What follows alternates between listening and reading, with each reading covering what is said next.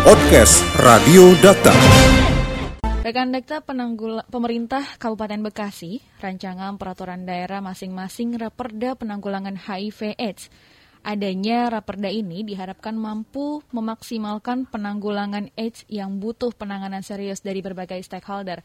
Lalu apa sesungguhnya kendala yang dihadapi KPAD sebagai lembaga yang mengurusi persoalan AIDS di Kabupaten Bekasi? Kami sudah tersambung bersama Kepala Sekretariat Komisi Penanggulangan AIDS Kabupaten Bekasi, Ade Bawono. Dokter Radio, bijak dan cerdas. Assalamualaikum Pak Ade.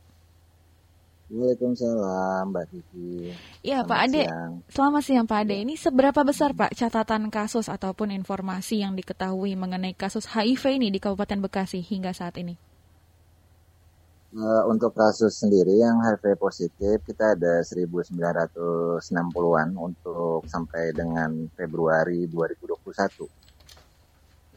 Hmm, Berarti sudah Gitu, cukup sudah cukup banyak gitu bisa dikatakan gitu ya Pak ya? 1990 Betul. kasus. Betul, sudah lumayan bukan cukup banyak lagi, Iya. sudah banyak Mbak sebetulnya. Iya. Ya, Pak Ade mem- memang bagaimana sejauh ini upaya yang dilakukan oleh KPAD dalam mencegah penyebaran AIDS sendiri, Pak? Eh, kita mencoba menyesuaikan, tapi memang pada rulesnya adalah kita melakukan pencegahan, pengobatan dan mitigasi dampak di dalam program penanggulangan HIV AIDS, gitu. Eh, di pencegahan sendiri kita melakukan upaya-upaya preventif langsung terhadap populasi umum yang memang belum menjadi populasi kunci dan mudah-mudahan itu tidak menjadi populasi kunci populasi umum sendiri adalah eh, anak-anak usia dini, usia produktif dari 4, 15 sampai 24 tahun. Nah, kalau populasi kunci sendiri itu adalah yang mungkin seperti kita ketahui Mhm. eh, populasi kunci adalah seperti wanita pekerja seks, LSL, eh, waria, eh, pengguna narkoba suntik, dan warga binaan penjara. Seperti itu, Mbak. Mhm. Pak Ade ada tidak sih kendala yang dihadapi dalam melakukan upaya preventif tersebut? Banyak Mbak, dalam kita melakukan implementasi di lapangan, kadang-kadang kita terbentur dengan eh, satu kebijakan yang memang sudah ada di daerah tersebut. Mhm. Seperti contoh begini, kita melakukan pemeriksaan HIV di eh, spa-spa yang memang itu adalah spa eksklusif ya Iya. Spa eksklusif, tempat-tempat karaoke yang eksklusif, kita tuh terbentur dengan masalah kebijakan dan lain-lain. Nah, kita tidak bisa masuk ke sana. Nah, Mhm. salah satu upaya kita untuk merumuskan satu pasal di dalam peraturan daerah adalah eh, untuk meminimalisir hal-hal tersebut. Jadi kita bisa eh, mengupayakan sampai sedetil itu agar semua langkah, semua upaya preventif itu kita bisa lakukan secara komprehensif. Seperti itu. Ya, Pak Ade, sosialisasi dan pemahaman dari pihak-pihak pemangku kepentingan kepada masyarakat ini terkait bahayanya virus HIV ini apakah sudah pernah dilakukan Pak sebelumnya atau hingga saat ini? Eh, kalau KPA sendiri kan bekerja sama dengan pemerintah daerah. Hmm. Memang KPA itu sudah dari 2004 terbentuk ya Mbak. Mhm. Tapi 2008 eksistensinya memang baru terlihat. Dan Alhamdulillah dari pencapaian kasus berarti itu adalah upaya kita yang terbukti bahwa memang kita melakukan kerja nyata. Iya. Mencari kasus-kasus yang ada di, di lapangan Mhm. gitu. Bekerja sama dengan pemerintah daerah, teman-teman puskesmas, teman-teman LSM, dan juga pendamping sebaya, RSUD, dan lain-lain. Mitra-mitra kami cukup aktif dalam melakukan uh, upaya-upaya tersebut. Gitu. Ya, Pak Ade bagaimana sih cara menanggulangi akibat eh, dari merabaknya virus HIV tersebut? Eh, banyak ya Mbak yang harus dilakukan. Sebetulnya sih upaya itu bisa dilakukan dari rumah sendiri pun juga itu sudah harus bisa dilakukan. Hmm. Pendidikan orang tua, ya kan, sampai ke urusan eh, namanya kenakalan remaja dan lain-lain yang eh, menjadi cikal bakal mereka itu jadi bandel dan lain-lain itu pun juga masih harusnya sudah sudah ditata sejak dini gitu. Kalau upaya-upaya yang dilakukan KPA ini kan memang lebih kepada preventif eh, di apa namanya di lingkup mereka yang sudah memasuki usia sekolah gitu. Kita tidak bisa melakukan upaya langsung di keluarga, tapi kita menginformasikan juga kepada masyarakat agar ini bisa dilakukan, diinfokan, e, mengenalkan anaknya tentang bahaya HIV dari rumah. Seperti itu sih. Mhm. Pak Ade, apakah ada regulasi yang mengatur nih tentang pelayanan penanggulangan HIV itu sendiri? Hmm, maksudnya gimana?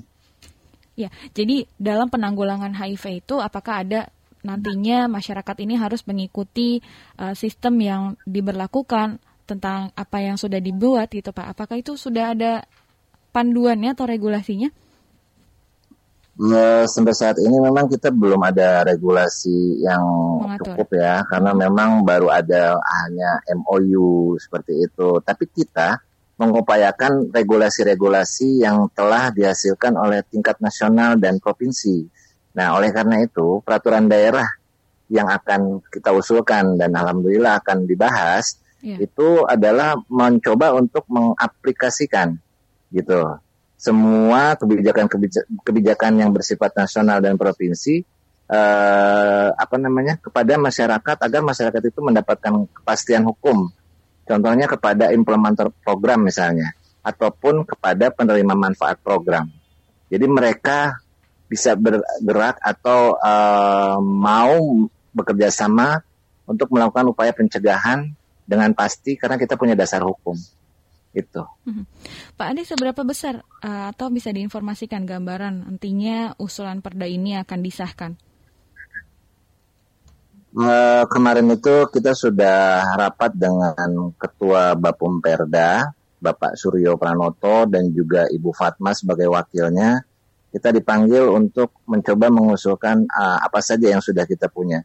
Kita sudah punya naskah akademik waktu itu dan juga draft raperda yang kita coba usulkan dan alhamdulillah bagian hukum juga mendukung bahwa kita tiga minggu ke depan akan dicoba untuk dibahas seperti itu mbak. Hmm.